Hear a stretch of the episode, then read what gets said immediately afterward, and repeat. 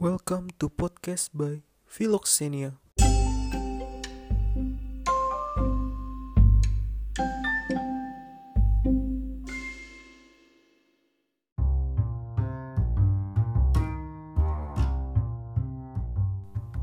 Jadi, podcast ini akan menyajikan tentang keresahan hati empat pemuda gak berguna yang sedang mencoba untuk melakukan sesuatu yang bermanfaat. Dan terbentuklah acar tidak berguna ini. Walaupun tidak berguna, tapi kami jamin akan membuat hari-hari kalian yang sepi semakin tambah sepi.